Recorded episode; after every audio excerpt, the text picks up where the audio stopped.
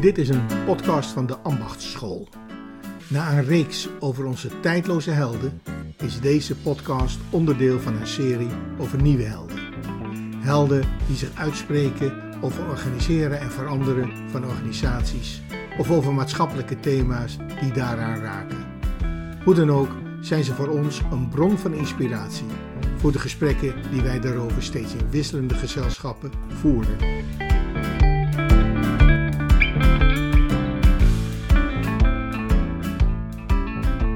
Welkom luisteraars, opnieuw een nieuwe podcast van de Ambachtschool voor Organiseren en Veranderen. Ik zit vanavond met uh, mijn twee collega's aan de lijn. Mijn naam zelf is Brechtje Kessener en Sherine Moerkerken en Lijken van Os doen met me mee. We hebben vanavond een uh, podcast over autoriteit. En de eerste bron waarop we ons baseren is uh, het boek van Paul Verhagen over autoriteit. En een van de dingen die hij daarin schetst is wat autoriteit eigenlijk is.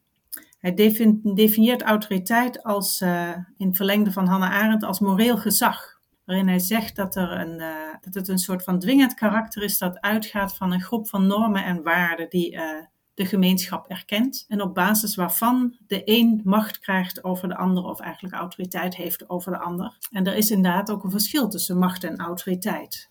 En daar kan Sherin wel iets over zeggen volgens mij. Nou, dat was een van de dingen die ik, die ik echt een eye-opener vond in dat boek. Namelijk dat er uh, een mechanisme is wat we stilzwijgend met elkaar accepteren. Uh, of waar we al in zitten en waar je niet eens meer bewust van bent. Uh, dat je met elkaar een, een basis accepteert aan normen en waarden. en ook, ook accepteert dat er een partij is die dat vertegenwoordigt, die die autoriteit dus uit, uitoefent uh, voor de groep. En dat dat dus in een soort van, uh, ja, van evenwichtig driehoekje ontstaat. Ik dacht dat ik heel lastig om kon gaan met autoriteit, maar ik kwam erachter dat ik heel veel autoriteit dus vanzelfsprekend accepteer in, in zijn definitie. En de precisie waarmee hij dat beschrijft, hoe dat precies werkt, dat vond ik echt heel mooi in het boek. Het is heel grappig. De, ik accepteer gewoon de rechterlijke macht. Ik accepteer dat er rechters zijn die bepalen of iemand straf krijgt of niet. Nou, daar sta ik echt helemaal achter. Hij beschrijft in zijn boek eigenlijk drie uh, basismechanismes of bronnen van autoriteit. Hè? De wetenschap, de, de staat en uh, religie. Die herkennen we denk ik ook allemaal wel. En tegelijkertijd zegt hij, ja, alle drie zijn ze nu ook wat aan het afbrokkelen. Ze zijn minder bron of van gezag, of minder bron van autoriteit uh, dan ze voorheen waren.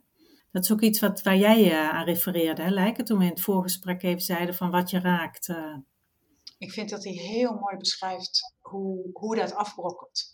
En hoe uh, zowel religie als wetenschap als, wat was de derde ook alweer, zei je? De staat. Steeds minder als vanzelfsprekend de autoriteit toekennen die bij dat norm- en waardekader worden. En hoe dat ook te maken heeft met hoe we in het postmodernisme en in het liberalisme als het ware steeds minder vast zijn komen te zitten aan dat soort instituties voor onze identiteit en steeds meer individu mochten zijn. Maar naarmate we meer individu mochten zijn en dus minder vastzitten aan die instituties, wordt het normenkader op grond waarvan die instituties uh, gezag mogen uitoefenen, ja, dat staat onder druk. En hij schetst dat heel erg mooi. Je, dat zie je, ik zie dat in de maatschappij gebeuren. De, uh, hoezeer we, we, erkennen soms de rechter niet, we erkennen de staat niet, we erkennen.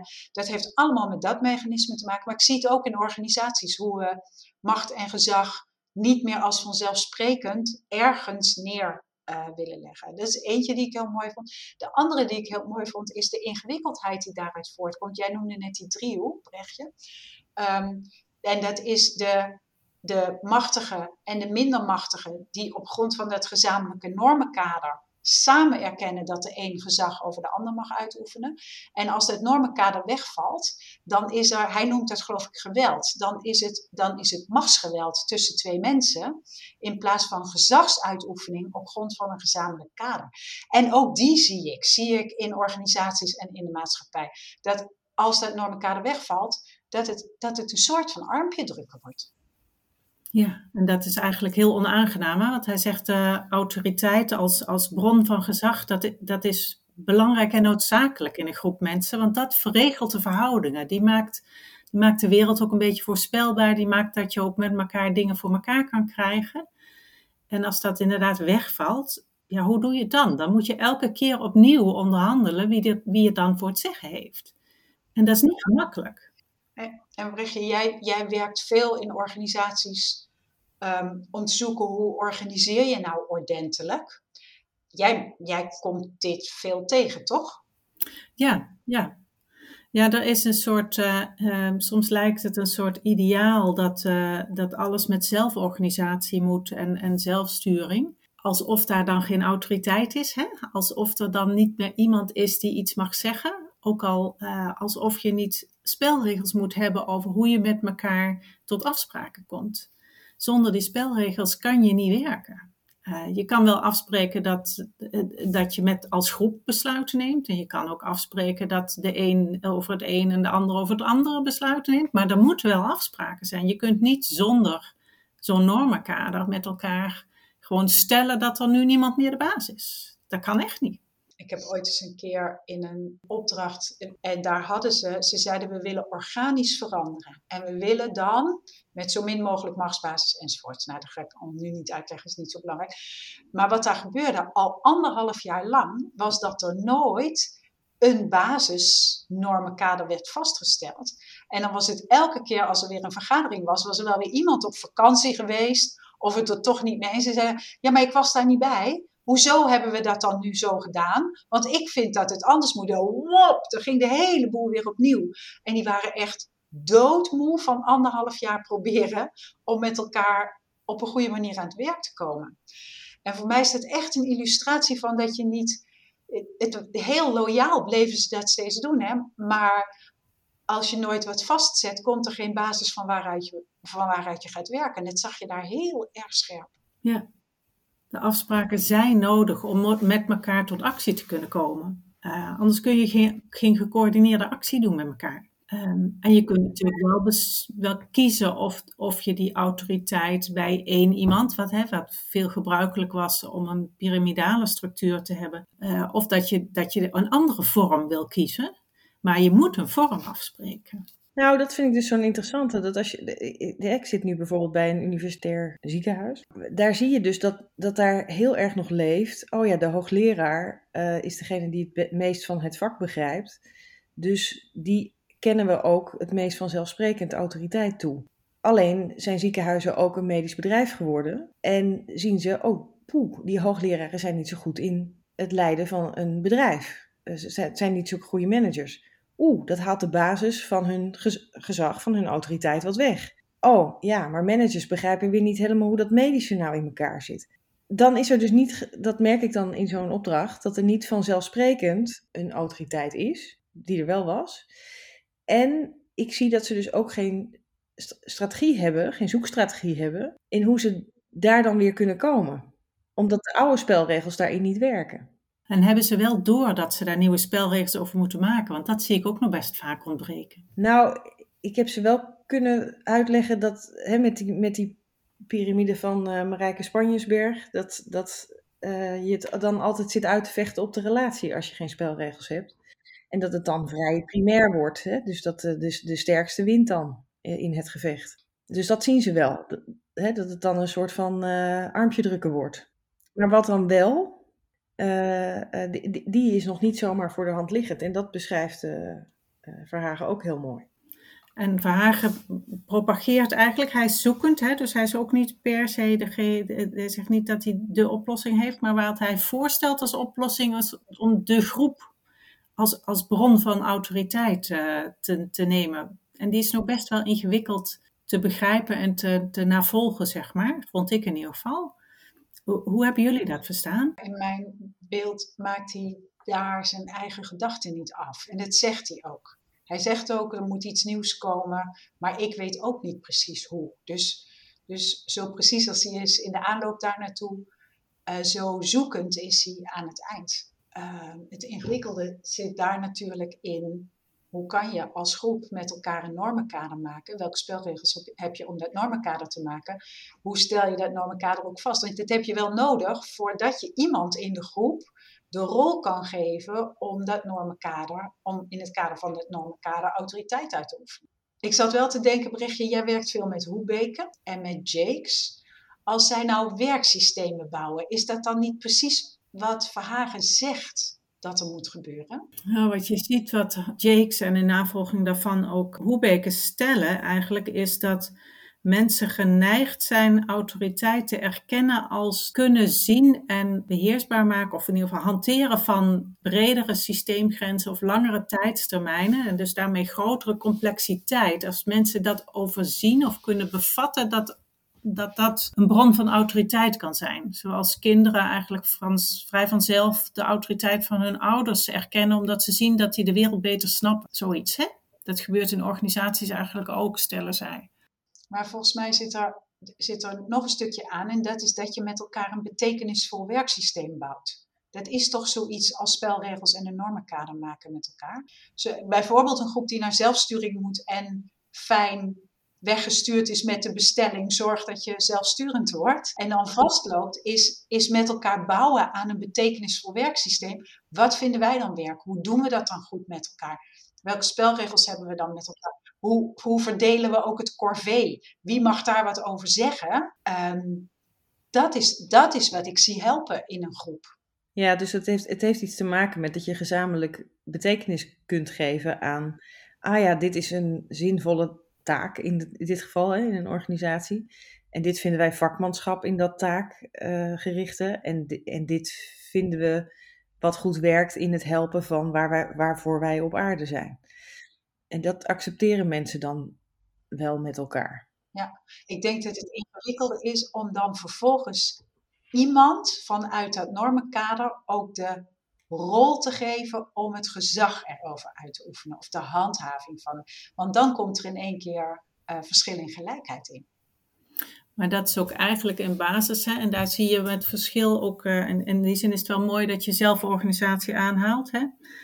Um, in het proces van zelforganisatie zou je kunnen zeggen, zodra er uh, zelforganisatie is in feite niet anders dan dat allerlei mensen samenwerken en in interactie tot iets komen en, en iets organiseren um, uh, en een, soort van output of functie hebben. En zodra daar wat uh, bijvoorbeeld uh, Verhoeven stelt, is dat in die samenwerking steeds meer specialisaties plaatsvindt. En zodra het management, zou je kunnen zeggen, gespecialiseerd raakt, wordt dat een soort van ja, leider van een team in plaats van een team van leiders of zo. Hè? Dus zolang als je het heel netjes, je kan het volgens spelregels heel netjes gedistribueerd houden, of je kan het toewijzen aan één of enkele mensen. En dat is een keuze waar je in feite op organiseert, die je met elkaar ook weer afspreekt. Waar je dus heel expliciete spelregels ook weer voor nodig hebt om dat dan om die afspraken te maken en om ze dan vervolgens ook te houden met elkaar. Maar in zo'n proces wat jij beschrijft, uh, geeft zo'n groep op dat moment jou de autoriteit als, als begeleider om met hen dat zoekproces te lopen. Ik denk dat dat een van de moeilijke puzzels is. Als een groep het nog niet heeft, wie heeft dan tijdelijk, bij wijze van spreken, inderdaad de autoriteit om dat proces om te komen tot gemeenschappelijke kaders en betekenisgeving en de normenkader weer te vinden? Ik merk dat ik die wel soms toege of vrij regelmatig toebedeeld krijg. Heb jij dat ook? Ja, zeker. Zeker. En wat is dat dan? Op welke basis krijgen we dat dan?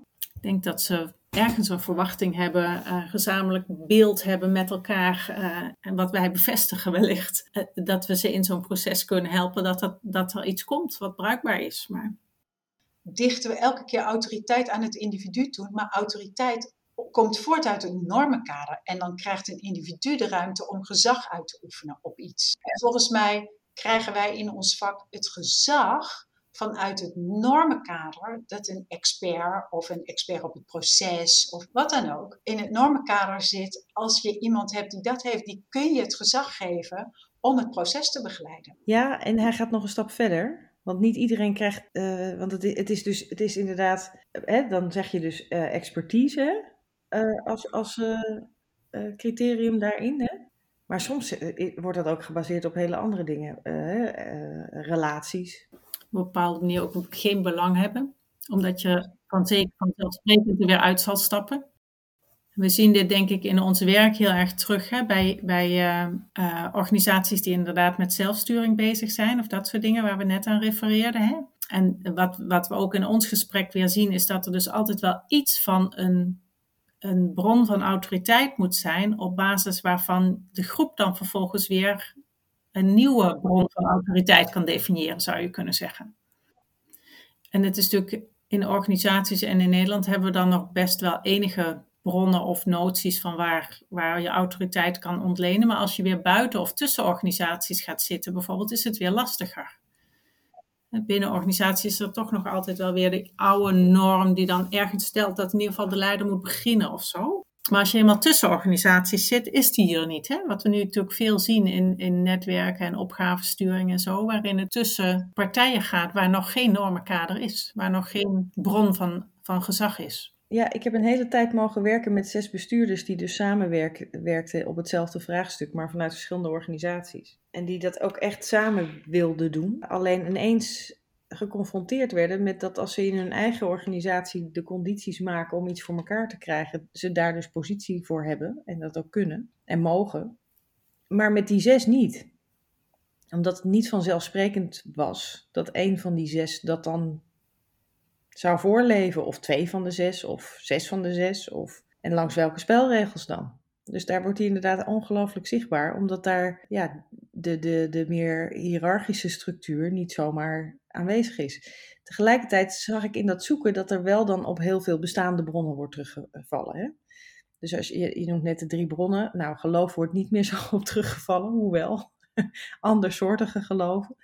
Maar ehm, op wetenschap wordt dan bijvoorbeeld wel weer teruggevallen. Hè? Of op feiten, of uh, en degene die dan het meeste feitenkennis heeft, hè, die mag het dan zeggen of zo. Dus uh, in, er wordt wel teruggepakt naar de afbrokkelende basis. Eh, hoe was jouw rol daar, uh? Had jij daar dan autoriteit om in ieder geval het proces te begeleiden bijvoorbeeld? Ja, ja en dat was best een ingewikkelde, want ergens in het proces riep een van de interne adviseurs van een van die organisaties, eh, dat ik de soort van uh, onuitgesproken CEO van dat netwerk was geworden. En dat vond ik wel, uh, dat bedoelde ze ook als compliment, maar ik vond stevige feedback. Want ik dacht, hoe, waar is dit ergens gebeurd en waarom? En hoe helpend is dit? Want ik ga ook weer weg. Maar wat, wat daar inderdaad gebeurde, is dat ik het proces begeleide waarin zij de spelregels maakten om met elkaar dit te gaan doen. En daar tijdelijk ook even afhankelijk in werden. En dan krijg je dit effect wel.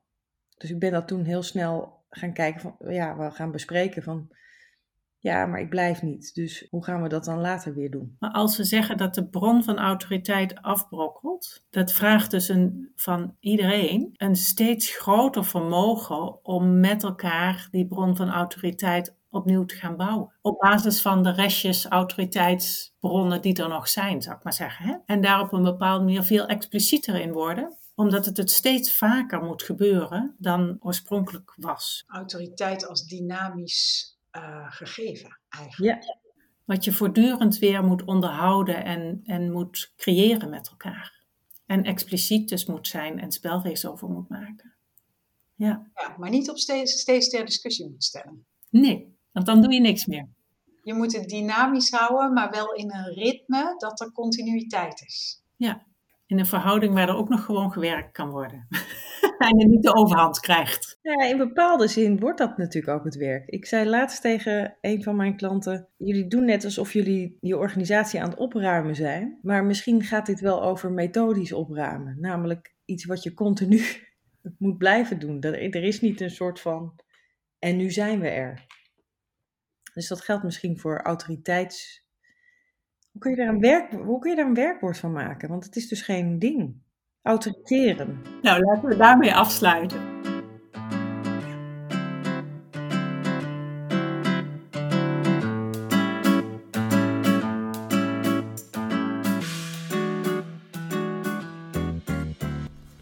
Dit was een podcast van de Ambachtschool over nieuwe helden.